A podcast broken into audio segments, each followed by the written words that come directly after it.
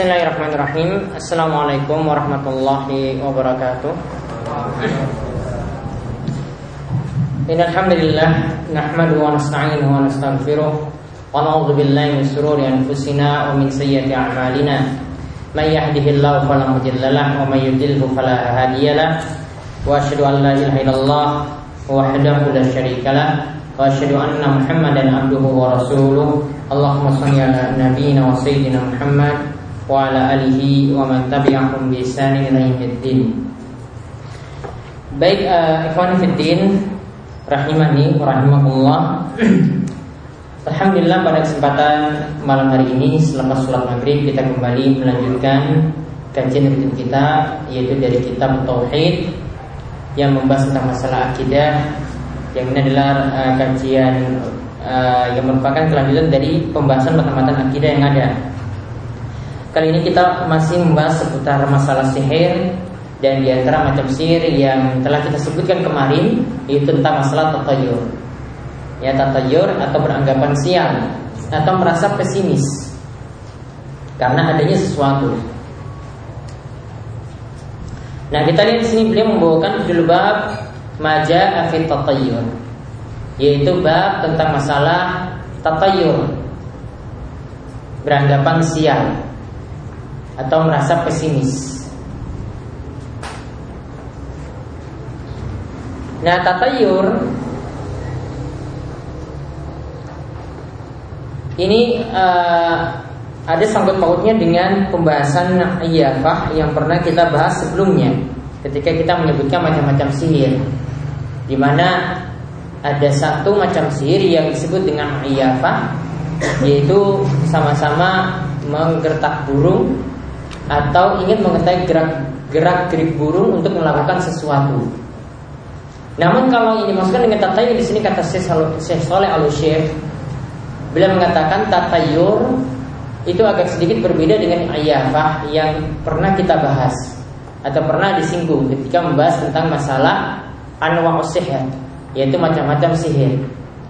Kalau tatayur Asalnya dulu adalah ingin mengetahui gerak-gerik burung Ditambah dengan adanya anggapan sial.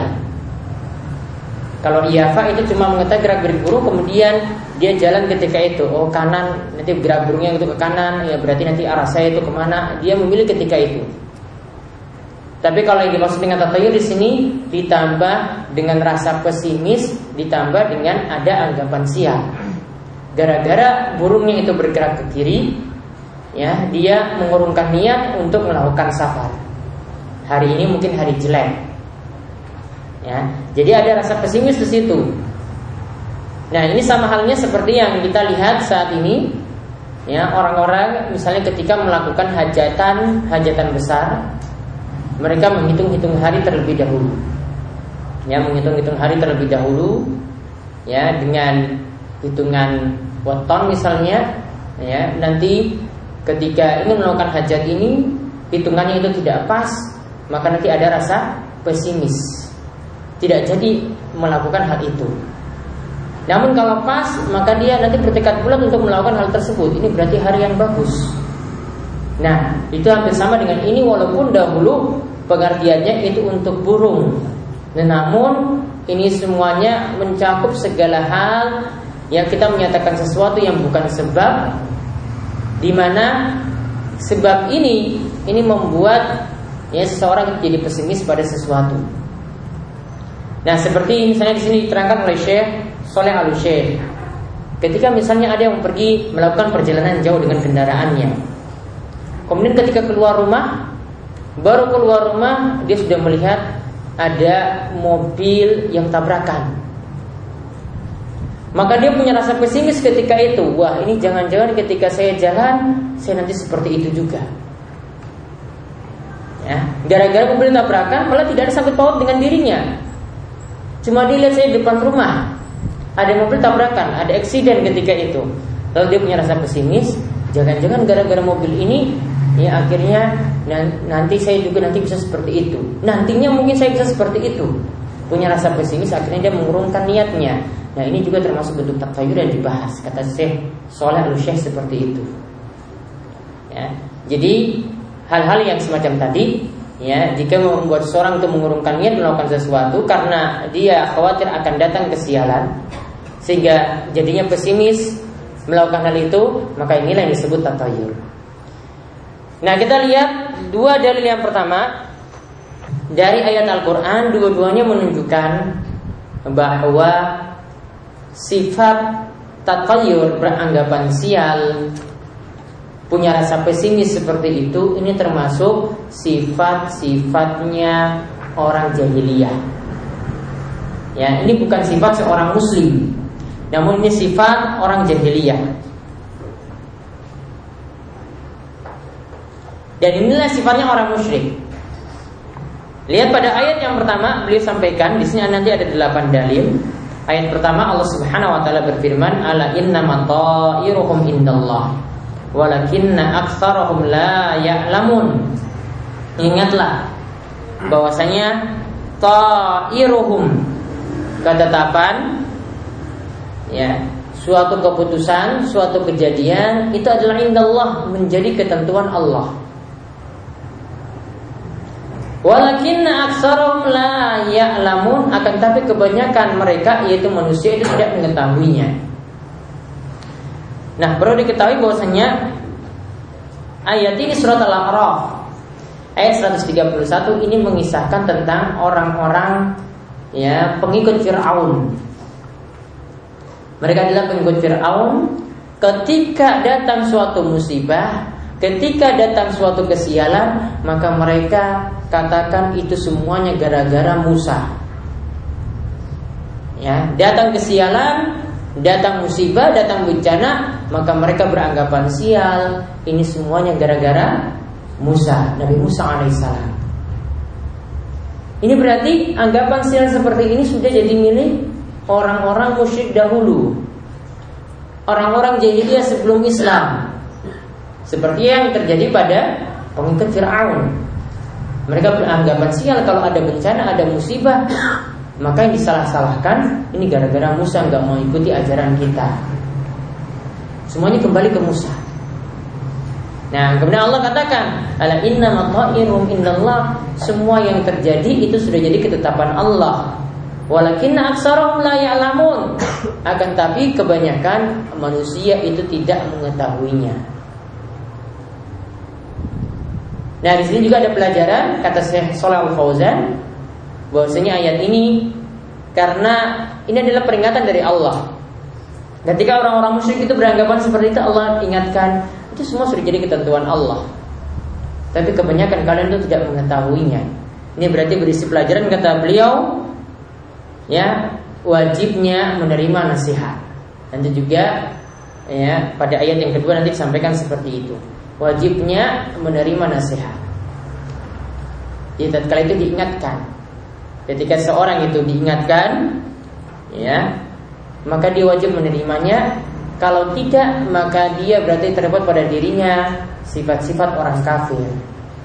Orang kafir itu pada asalnya hatinya itu keras, tidak mau menerima nasihat, tidak mau menerima kebenaran. Jadi kalau ada seorang muslim punya sifat seperti itu, berarti dia terdapat pada dirinya sifat sifat orang kafir. Begitu juga pada ayat yang berikutnya Surat Yasin ayat ke-19.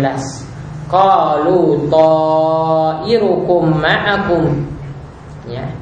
Qalu ta'irukum ma'akum a'in dzukirtum. Dan seterusnya.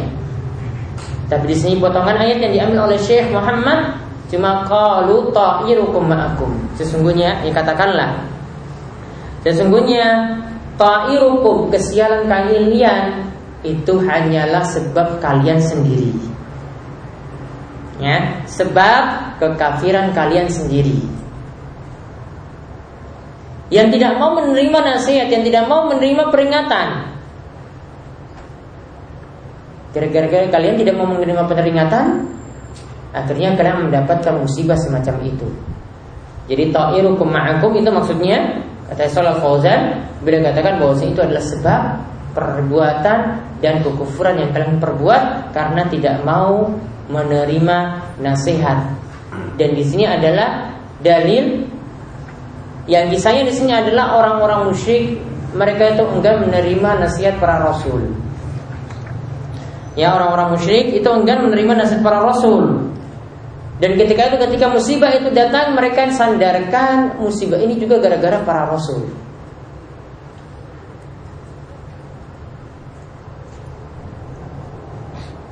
Maka Allah Subhanahu wa taala menjelaskan bahwasanya sebabnya musibah itu mingkibal anfusihim, itu karena kesalahan mereka sendiri. Yaitu kesalahan orang musyrik itu sendiri. Jadi bukan para rasul yang disalahkan. Tidak boleh musibah atau kesialan itu disandarkan kepada para rasul.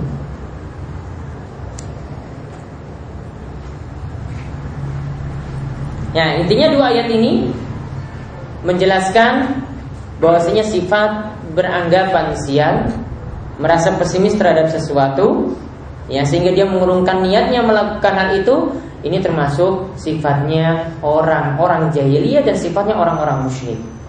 Ya, dan seorang muslim kalau dia punya sifat semacam itu berarti dia menganut ya sifat-sifatnya orang-orang jahiliyah, sifat-sifat jahiliyah masih ada pada dirinya. Walaupun dia ngaku itu muslim, walaupun dia itu rajin sholat. Dan intinya untuk masalah tatayur ini, ya para ulama itu mengatakan seseorang yang beragama sial punya rasa pesimis seperti tadi, ini tergolong pada syirik asgar, pada syirik kecil. Karena dia menyandarkan sesuatu bukan pada tempatnya, menyatakan sebab bukan pada ya tempatnya. Apa kaitannya tadi yang Syekh Soleh al itu ceritakan? Kok keluar rumah lihat mobil tabrakan, kok dia juga merasa pesimis nanti tabrakan ketika itu? Padahal dia seorang pengemudi yang handal. Padahal dia juga sudah bertawakal kepada Allah ketika keluar. Dan memang nanti yang dapat menghilangkan anggapan sial seperti ini dan memang setiap orang itu mudah beranggapan sial seperti ini ya. Kita pun sebagai seorang muslim kadang seperti itu. Ya nanti akan jelaskan dalam dalil-dalil selanjutnya yang bisa menghilangkan anggapan sial dan pesimis seperti itu adalah sifat tawakal. Ya nanti akan jelaskan dalam beberapa hadis setelah itu. Kemudian hadis berikutnya lagi yaitu dari Abu Hurairah radhiyallahu anhu ya Rasulullah SAW bersabda la adwa wala tiyarata wala hamata wala sofara kata Nabi SAW la adwa. Tidak ada adwa penyakit menular. Maksudnya penyakit yang berpindah dari satu orang kepada orang lain Maksudnya di sini adalah tidak mungkin penyakit itu berpindah dengan sendirinya. Pasti ada takdir Allah di situ. Tidak mungkin penyakit itu jalan sendiri. Ya, tidak mungkin dia jalan sendiri cari orang yang nanti kena lagi, tidak mungkin. Kita lihat ada beberapa penyakit seperti itu. Ada satu keluarga, ya, mungkin cuma dua orang yang kena. Lima orang yang ada dalam rumah itu tidak kena. Seandainya itu menular betul-betul dengan menular dia itu datang sendiri, ya tentu semuanya itu harus kena. Tapi ada yang kena, ada yang tidak. Bahkan ada satu rumah yang tidak kena, tapi seluruh tetangga itu kena penyakit tersebut.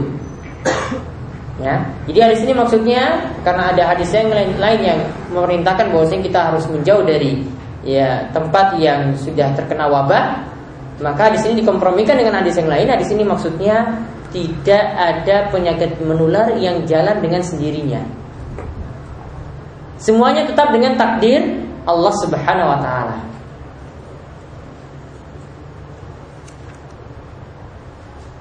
Jadi harus dipahami seperti itu. Jadi kita tidak menafikan secara mutlak tidak ada penyakit menular tidak. Ada yang sifatnya itu wabah. Namun wabah atau penyakit menular ini bisa berpindah dari satu orang ke orang yang lainnya tetap dengan qadrillah, tetap dengan takdir Allah Subhanahu wa taala tidak mungkin berpindah jalan dengan sendirinya. Ini yang harus dipahami oleh seorang muslim seperti itu. Jadi ada ketentuan Allah di situ, bisa berpindah ke rumah ini. Ya. Cuma mungkin dapat satu orang saja di rumah tersebut, yang lain tidak dapat. Pindah lagi ke tempat yang lainnya. Ya, bisa seperti itu, tapi semuanya dengan takdir Allah Subhanahu wa taala. Wala dan tidak ada anggapan sial. Seorang muslim tidak boleh punya sifat seperti itu, pesimis. Apa-apa yang disalahkan itu waktu, apa-apa yang disalahkan itu kalau ada kesialan, yang disalahkan itu tempatnya. Harus punya rasa tawakal yang tinggi kepada Allah Subhanahu wa taala. Allah yang memudahkan semuanya. Jangan punya rasa pesimis pada sesuatu. Kemudian yang ketiga, walahamata yang dimaksudkan sini adalah Tidak ada kesialan pada burung hantu. Jadi ada di suatu tempat ini yang terjadi di masa Nabi SAW mungkin di tempat-tempat yang lainnya juga kalau ada burung hantu maka orang-orang itu akhirnya beranggapan sial. Nah di sini ditiadakan tidak boleh beranggapan seperti itu. Ya karena burung hantu tidak bisa datangkan suatu musibah. Burung hantu tidak bisa datangkan kesialan. Semua terdekat ketentuan Allah Subhanahu Wa Taala. Kemudian wala safara dan tidak ada ya e, kesialan dalam bulan safar. Kalau sekarang itu ada bulan suro. Namun safar di sini juga bisa berarti ya ular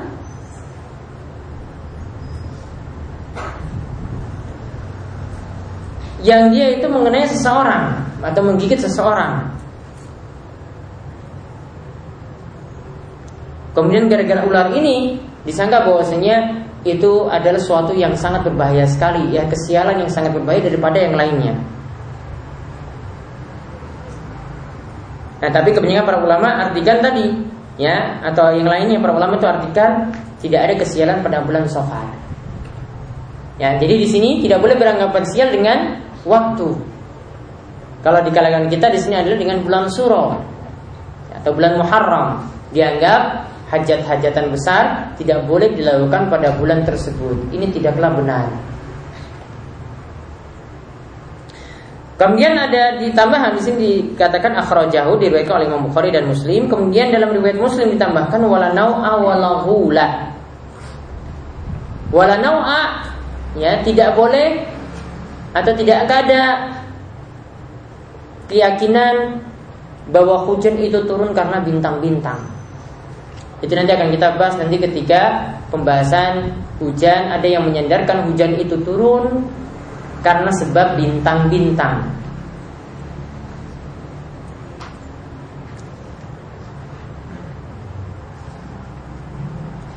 Kemudian walau tidak ada setan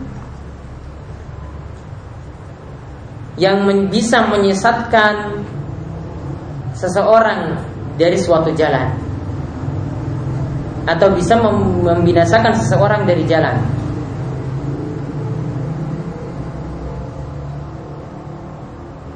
Bisa menyesatkan atau membinasakan seseorang. Nah intinya di sini semua itu adalah anggapan-anggapan sial yang di sini Islam atau ajaran Nabi SAW itu meniadakannya. Kemudian ditambahkan lagi ada riwayat walahuma dikatakan ini diriwayatkan juga oleh Bukhari dan Muslim dari Anas radhiyallahu anhu. Ia berkata bahwasanya Rasulullah SAW bersabda la adwa wala tiyarata wa yu'jibunil fa'lu. Tidak ada adwa tidak ada penyakit menular yang bisa menular dengan sendirinya namun tetap dengan takdir Allah Walatiarota dan tidak ada anggapan sial. Ya, tidak boleh seorang itu beranggapan sial. Dan juga wayuk jibunil fa'lu. Dan yang mengagumkanku kata Nabi SAW itu adalah al-fa'lu. Ya, ketika melihat sesuatu merasa optimis. Kalau tadi kan pesimis, ya kan? Kalau tiaro itu pesimis, kalau ini lawannya al-fa'lu. Jadi Nabi SAW itu senang dengan kata-kata yang bisa membuat orang itu optimis. Kemudian para sahabat itu bertanya kepada Nabi SAW, mau al-fa'lu, apa itu al-fa'lu? Kemudian Nabi SAW itu menjawab, al-kalimatut tayyibah, kata-kata yang baik. Artinya kata-kata, kata-kata yang mengandung ya optimis, kata-kata optimis membuat orang itu semangat. Dan kalau di tempat kita di sini mungkin jarang kita temukan, tapi kalau di kebiasaan orang Arab itu biasanya menemukan ya istilah-istilah al-fa'lu seperti ini. Kalau kita menyebut rumah sakit, ya itu tempat orang-orang sakit di situ. Tapi kalau orang Arab menyebut rumah sakit itu dengan mustashfa. Moga cepat sembuh. Artinya seperti itu. Rumah ya didoakan sekalian. Moga cepat sembuh. Kalau kita rumah sakit, ya sakit-sakit terus. Ya, jadi kalau orang Arab masuk rumah sakit mustashfa, ya berarti masuk situ ya pengen sembuh. Jadi ini yang disemasukkan dengan al-fa'lu, kata optimis. Jadi ketika dengan kata-kata itu, wah ini berarti ini harus sembuh masuk di sini. Kalau kita ya makanya seperti itu, nggak ada rasa semangat ketika masuk ke rumah sakit, lemas terus, pingin obat terus. Kalau orang Arab enggak, masuk rumah sakit mustashfa. Ya, berarti kan minta uh, rumah minta supaya cekat, supaya lekas sembuh. Ini bagian dari al-fa'lu, ini salah satu contohnya. Ya, jadi tidak membuat orang itu pesimis. Kamu sakit-sakit terus nanti di sini masuk di rumah sakit. Ya, dan kalau dengar kata itu tadi mustasfa coba dengan bayangannya, coba diganti rumah sehat, rumah bikin orang sehat misalnya. Dia pasti kan akan, oh ini saya harus semangat masuk sini harus sehat, harus sembuh. Nah, ini kata-kata yang membuat orang itu optimis. Nah ini di antara contohnya seperti itu al-fa'lu. Nah kemudian ada hadis lagi dalam riwayat Abu Dawud dengan sanad yang sahih dikatakan sini dari Uqbah ya bin Amir. Di sini naskahnya seperti itu namun yang yang lainnya menuliskan dengan Urwah ya. Jadi yang benar itu adalah Urwah. Saya sudah coret di situ ya di fotokopian silakan diganti Urwah. Ain ra waw tak marbutah. Urwah bin Amir. Ia berkata Zukiratit tiyarat inda Rasulullah SAW Pernah disebut ada yang beranggapan sial dan menyebutnya di sisi Rasulullah Sallallahu Alaihi Wasallam. Kemudian tatkala itu Nabi SAW itu bersabda ahsan wa al fa'lu. Ya dibanding kata-kata seperti itu yang lebih bagus adalah al fa'lu, kata-kata yang mengandung optimis. Wala taruddu musliman dan memang yang namanya yang namanya al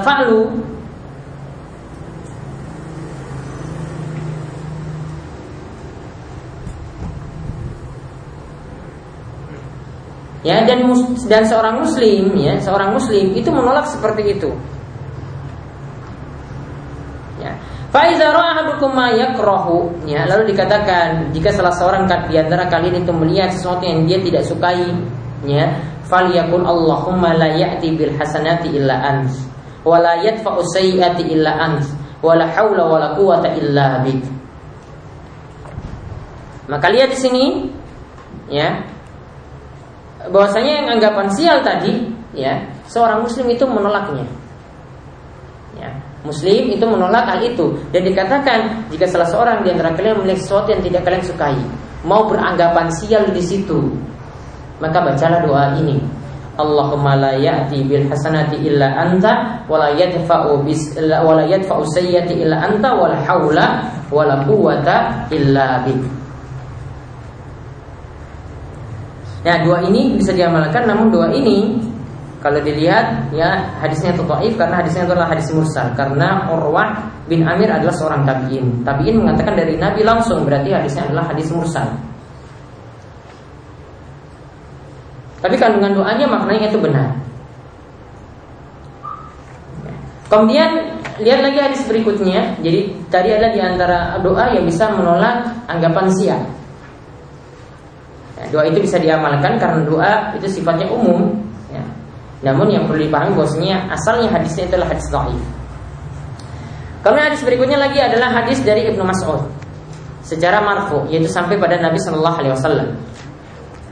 Di mana Ibnu Mas'ud itu mengatakan Rasulullah SAW bersabda atiyaratu syirkun atiyaratu syirkun Ya dia mengulangnya dua kali Yang namanya anggapan sial, rasa pesimis terhadap sesuatu Itu adalah kesyirikan ya sial itu adalah kesyirikan.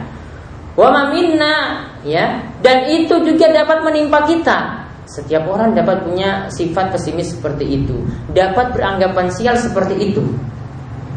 Ya, seperti tadi misalnya, ketika mau keluar terus melihat ada kecelakaan, padahal belum kita belum jalan.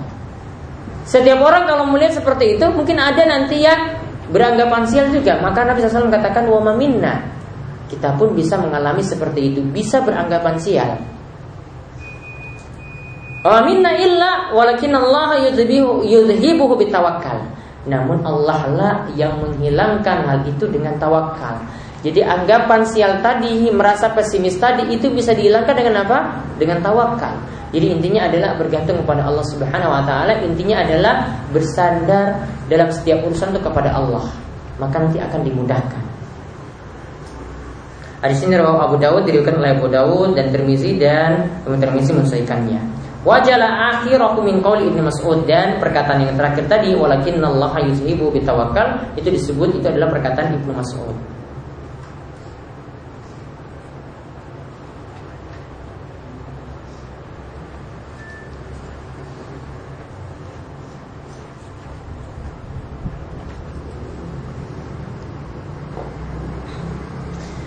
Kemudian hadis yang berikutnya lagi hadis riwayat Ahmad ya dari hadis Ibnu Amr. Dia katakan man raddahu tiyaratu an hajatihi faqad asyraf. Barang siapa yang datang anggapan sial ketika dia melakukan melakukan hajatnya, dia memenuhi hajatnya, maka faqad asyraf dia telah terjerumus dalam kesyirikan.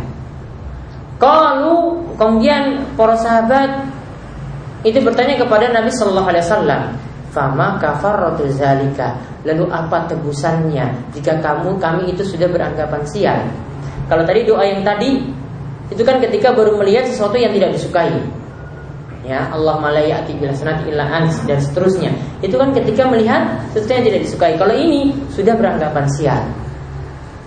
Terus apa kafarohnya Tebusannya itu apa? Maka Nabi SAW mengatakan Ayyakul Kalau engkau sudah beranggapan sial maka ucapkanlah doa Allahumma la khaira illa khairu wa la khaira illa khairu wa la ilaha khairu Allahumma la khaira illa khairu wa la khaira illa khairu wa la ilaha khairu Namun di sini berikan catatan oleh Syekh Saleh Al-Utsaimin hadisnya hadis dhaif.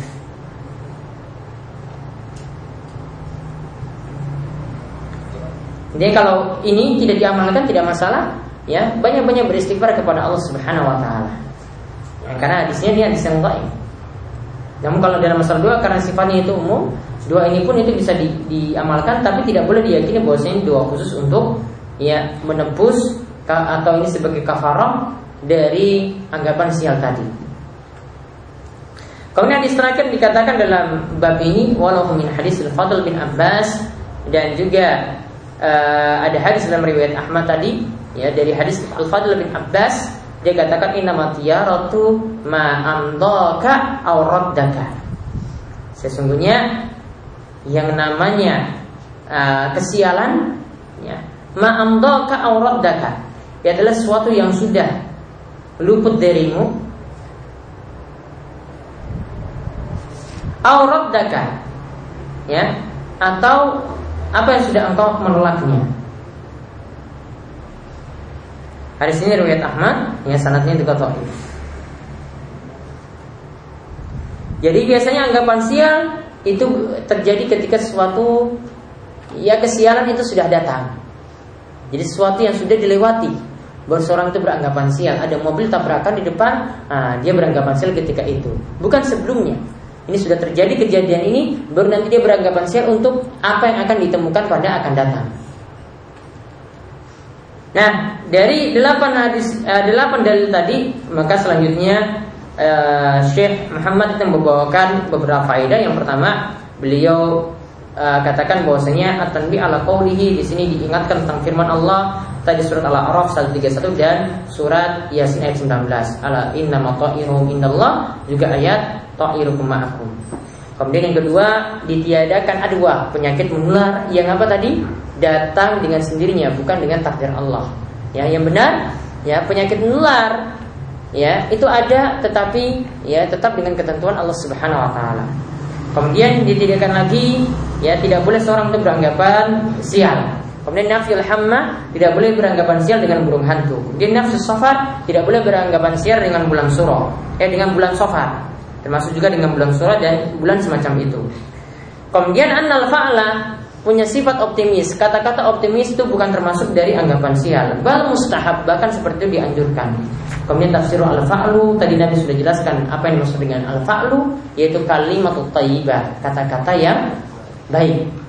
Kemudian yang kedelapan, anal waqi'a fil qalbi min dzalika ma karahati la yadur bal yusibullahu bitawakkal. Kalau ternyata ada anggapan sial di dalam hati, maka itu tidaklah masalah ya dan Allah lah yang menghilangkan itu semua dengan tawakal. Kemudian yang kesembilan eh, zukira ma yaqulu man wajadahu.